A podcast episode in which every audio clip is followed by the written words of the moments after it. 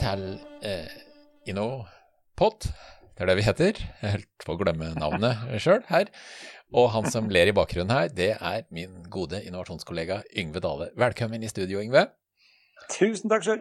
Og um, du har eh, Ja, for det første har du jo jobba med innovasjon i en mannsalder. Og um, i dag Ja, og i dag så skal du fortelle oss om hvorfor eh, skal du glemme alt du har hørt om budsjettering. og, og, det er egentlig litt, eh, litt fint. Jeg må si sjøl så har jeg i flere år prata varmt om å droppe budsjett, og det er fordi jeg, jeg har møtt bedrifter som har sagt at vi budsjetterer ikke.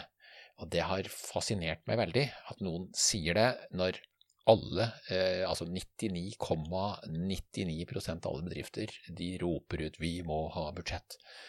Og så er det noen, eh, jeg husker et, et stort dansk støperi som omsatte for et par milliarder i året. De var de første jeg hørte som, som sa 'vi budsjetterer ikke, enkelt og greit', og vi tjener penger'. Men eh, jeg har lyst til å kaste den der bollen over til deg, Yngve. Eh, er, ja, nei, jeg er helt enig med deg. Altså, det, jeg tror nok at det, det, er mange bedrifter som gjerne kan fortsette å budsjettere, men vi snakker om entreprenørskap her. ikke sant? Vi snakker om selskaper som er undergitt stor usikkerhet. Ja. De, de, har kanskje ikke engang et produkt ferdig. Eh, de aner ikke hvem kundene skal være. Planene forandrer seg hele tiden, fra uke til uke. Vet, vet, vet, vet, du hva, du rører ved noe som i alle år har irritert meg, og det er f.eks. når entreprenøren kommer til Innovasjon Norge eller til banken og skal de lage en forretningsplan, og de skal beskrive noe som de aldri har gjort før. Ja. Kommunen skal bruke på porto om fem år, ikke sant. Ja, ja, det er helt Altså, det er sånn hallo. Kan du ikke like gjerne fortelle om, eh, om eh, ja, et eller annet i samfunnet om tre år fram i tid, eller aksjekursen på Equinor-aksjen om 18 måneder? Ja, man skulle nesten Jeg skal ikke prate stygt om ingen av de der. Jeg liker banker og jeg liker Innovasjon Norge kjempegodt. Det er en av de flotteste kundene jeg har. Men jo, jo. det blir jo litt sånn at man blir bedt om å være en eller annen form for sannspådd. Det er kanskje ikke det vi er ute etter. Vi vil at folk skal skape framtida, ikke at de skal prøve å gjette hvordan den blir. Ja, enig. Så, litt der er vi.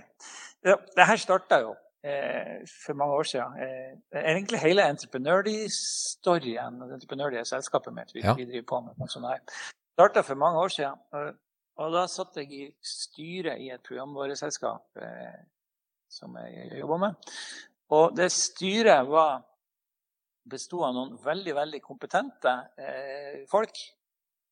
Men det var kanskje litt sånn grå pantere. Ja. Det var allerede da liksom eh, folk med, med gråstenk og, og, og, og, lang erfaring. Og de var veldig opptatt av budsjett. Og de, dette var industrimennesker som var vant med smelteverk og, den slags type ting. Og kjempeopptatt av budsjett, og ikke minst av budsjettavvik gjennom hele året. Ja, ja. Det er ganske kjent. Og så det som skjedde, typisk det var at vi i sånn oktober, november, desember så lagde vi et budsjett for året etterpå. Og så satte vi i gang. Og så hadde vi kanskje tatt en forutsetning for om at vi skulle levere eh, et, en, en, tjeneste til eh, en, et firma eh, som en stor del av vår omsetning gjennom hele året. Og kanskje den 4. januar så gikk det firmaet konkurs. Ja. Og da ble hvert eneste styremøte hver måned gjennom hele året brukt til å diskutere hvorfor i all verdens navn og rike var det et budsjettavvik på den posten om salg til det firmaet som gikk konkurs den 4. januar. Ja.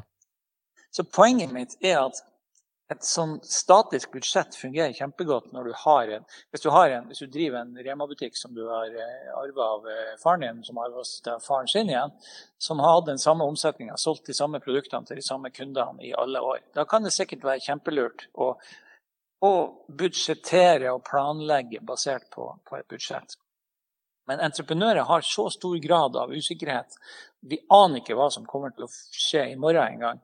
Og det å skal drive og lage sånne økonomiske gjetninger om hva som skal skje seks måneder, tolv måneder, to år, tre år, fem år fram i tid, har veldig veldig liten verdi. Og de fleste entreprenører de har jo en drive på å jobbe eh, natt og dag på å løfte bedrifta si, så ja, ja. det er jo ikke det det skorter på. De, de trenger jo helt Nei. andre ting. En, det har ingen motivasjonseffekt i det hele tatt. Nei, nei, nei. Så det, så det vi foreslår, da, det er jo å bruke en prognose. Det er jo viktig at vi på en måte holder styr på økonomien, men å prøve å si at det som skjedde før, det har vi ikke noe kontroll på. Så når det gjelder det som skjedde før i dag, så bør vi operere i prognosen med de reelle inntektene og kostnadene. Så ja. det som egentlig skjedde, Vi vet jo hva som skjedde i går. Ja. Det kan vi ta med. Og når det gjelder fremtida, så bør vi operere i prognosen med det beste estimatet som vi har i dag om hvordan fremtida blir. Ikke det beste estimatet som vi hadde rett før nyttår. Så poenget mitt er at mens et budsjett er statisk og stabilt, og du rapporterer avvik, så forandrer du prognosen hele tiden. Ja, Det er jo ganske vanlig for en del bedrifter å ha prognoser òg, sånn at du har budsjett og så, også prognoser på det. Mm. Eh, og, og, og, det som, Jeg har en sånn analogi for hvorfor dette er lurt. Da. Er, nå kan du, hvis du nå tar denne flotte Alvisen din, eh, Sjur, og så skal du kjøre fra Oslo til Trondheim ja. Og så kjører du oppover, og så når du kommer liksom litt oppover, så sier GPS-en, anbefaler GPS-en din å kjøre over Hamar. Sant? Og så, så kommer du oppover, men så kjenner du sånn litt oppi der at nei, det, det er så fint vær, det er deilig, vi kjører Østerdalen i stedet. sant? Ja. Så vil jo GPS-en din umiddelbart tilpasse seg det. Ja, i hvert fall etter, etter hvert fram til Elverum så vil den nok be meg snu og kjøre til Hamar, eh, kanskje. Og det, og det, er jo det styremedlemmet som henger igjen, eh, og som eh, er ukomfortabel med kursendringa, da sikkert. Ja, kanskje. Men på et eller annet tidspunkt, ganske ja. fort, i hvert fall min erfaring, ja. så vil jo GPS-en si at nei, OK, jeg ser at du har tatt en annen vei. Jeg ser at av en eller annen grunn som ikke jeg vet, så har eh, du lagt turen om Østerdalen, og det må jeg bare respektere. Så nå skal jeg fortelle deg når du kommer til å komme fram til. Trondheim eh, via denne ruten. Bruk ikke resten av tida som eh, GPS på å kjefte og bitche på deg for at eh, du har gjort noe annet enn det jeg sa, og si at nei, du kommer til å, nå har du tapt, du kommer et kvarter senere fram til Trondheim. Ja, ja, ja, Og sånn er det med prognosen òg. Vi må på en måte Den må være dynamisk. Det er jo hele, hele greia. Og da det som vi gjør, da, det er at vi gjør det med fire trinn. Og da har vi sånn Jeg bruker å si at uh, selv om du er entreprenør, så er det ikke nødvendig at du behersker blårussisk. Nei, altså, nei. Det, det, er språket til blårussen snakker. Ja, ja, ja. Så eh, hvis du ser bort fra alt sånn her med faste kostnader, variable kostnader, trinnvis variable kostnader, og alt det der, så gjør du det veldig veldig enkelt. Så sier du at det første du gjør, det er at du setter deg målsetninger på hva som du tror inntektene dine kan bli. Og så, hvis, så kan du sette opp en prosentsats av det på det som du tror du kommer til å betale ut i varekost. Altså Hvis du kjøper inn produkter eller tjenester eh, som du selger videre, så må du sette en eller annen form for målsetning for hvor lavt du, kan, du tror du kan klare å presse den prosentandelen som du betaler til dine leverandører av ja, dine inntekter. Ja. Så hva du sitter igjen med, rett og slett? Uh, Ja. Så da har du to linjer. ikke sant? Da ja. har du inntektene dine, og så har du en, en, en linje på varekost. Bare kan sette rett opp. Så sett opp det som er kalt for de gjentagende kostnadene dine. De gjentagende kostnadene. Og de gjentagende kostnadene det er de kostnadene som kommer igjen enten likedan hver måned eller relativt lik hver måned. Og her er det typisk lønn. ikke sant? Det er husleie. Ja, ja. Det, du kan kanskje sette opp en sånn samlepost på eh, strøm og telefon og bredbånd og den slags type ja, ting. Men sånne ting som du vet kommer stabilt igjen hver måned. Når du har de to linjene, eller så, du, så vet du om dette prosjektet kommer til å funke eller ikke. Ja. Da, Alt annet er egentlig neglisjerbart. Da har du 95% av kostnadene til nesten alle selskapene. Du har ikke gjort noe som helst vanskelig med, med, med sånn kalkylemessig. Du har bare laget en, en, veldig enkel oversikt. Og hvem som helst kan gjøre det her på, på noen få minutter. Dette, dette, er jo det som gode gründere har ja, ja. i huet sitt. Altså det, det, det, det eller på en serviett eller ja, ja, ja, Det er godt, godt gründerskap. Ja. absolutt. Og så, Den tredje tingen du gjør, at du setter opp de kostnadene som er knytta til aktiviteter. Og Da er det ganske viktig at du holder styr på dem, sånn at hvis du fjerner de aktivitetene, så fjerner du også kostnadene.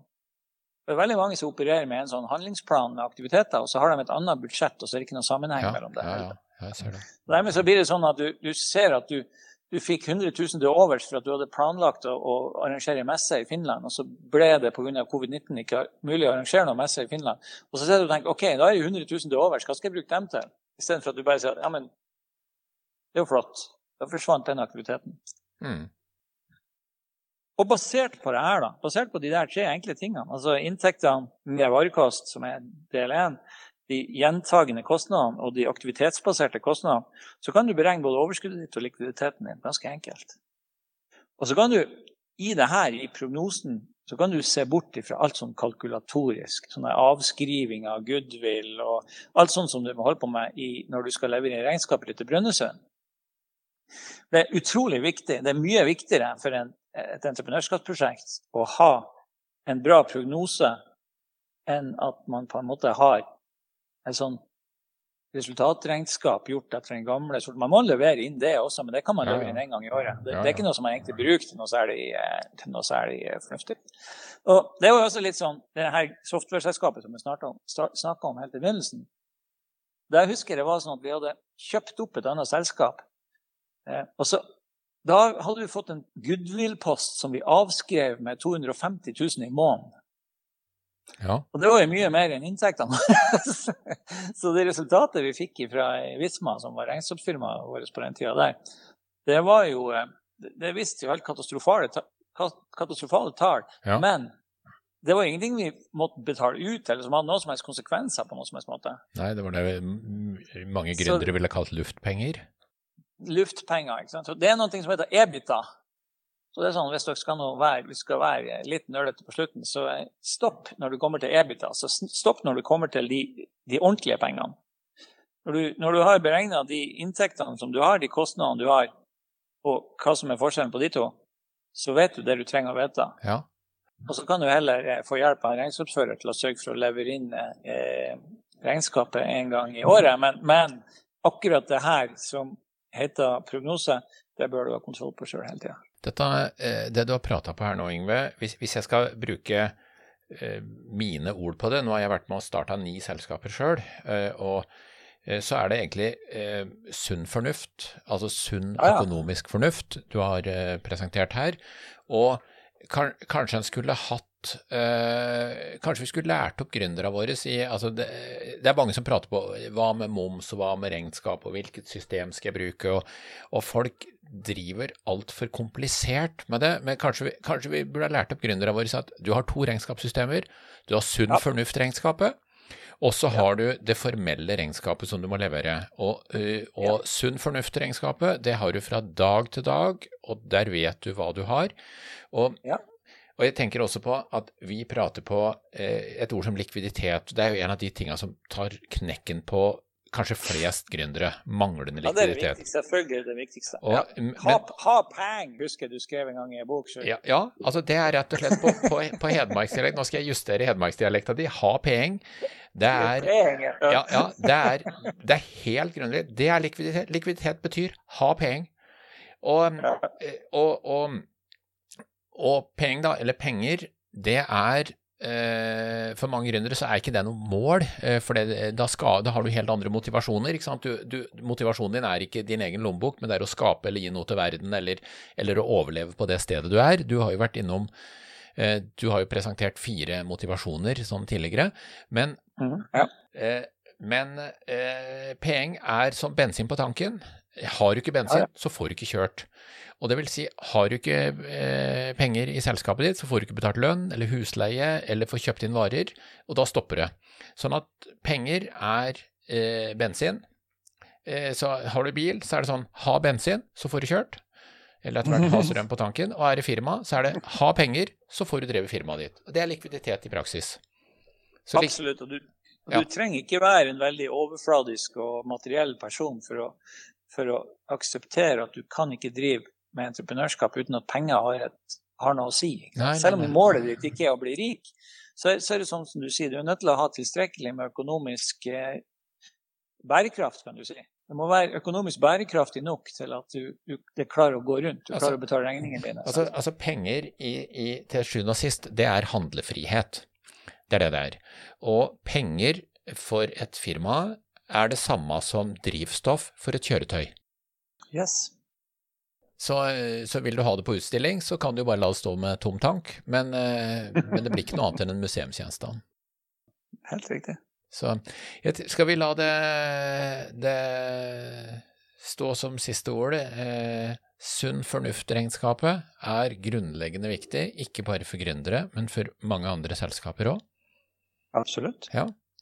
Da sier jeg takk, Yngve, for at du stilte i studio her. Det var et, en glede og et privilegium. Det var en glede i, i, begge retninger. Og til deg som er lytter, hjertelig tusen takk for at du hørte på oss. Mitt navn er Sjur Dagestad. Lydmann er Petter Strøm. Og du har hørt på Innopod. Eh, og skulle du sitte der og føle at eh, podkast, det kunne kanskje vært noe for vår virksomhet, så er det bare å slå på tråden. For det er eh, noe vi kanskje kan fikse for deg. Hjertelig takk for at du hørte på oss, og velkommen tilbake.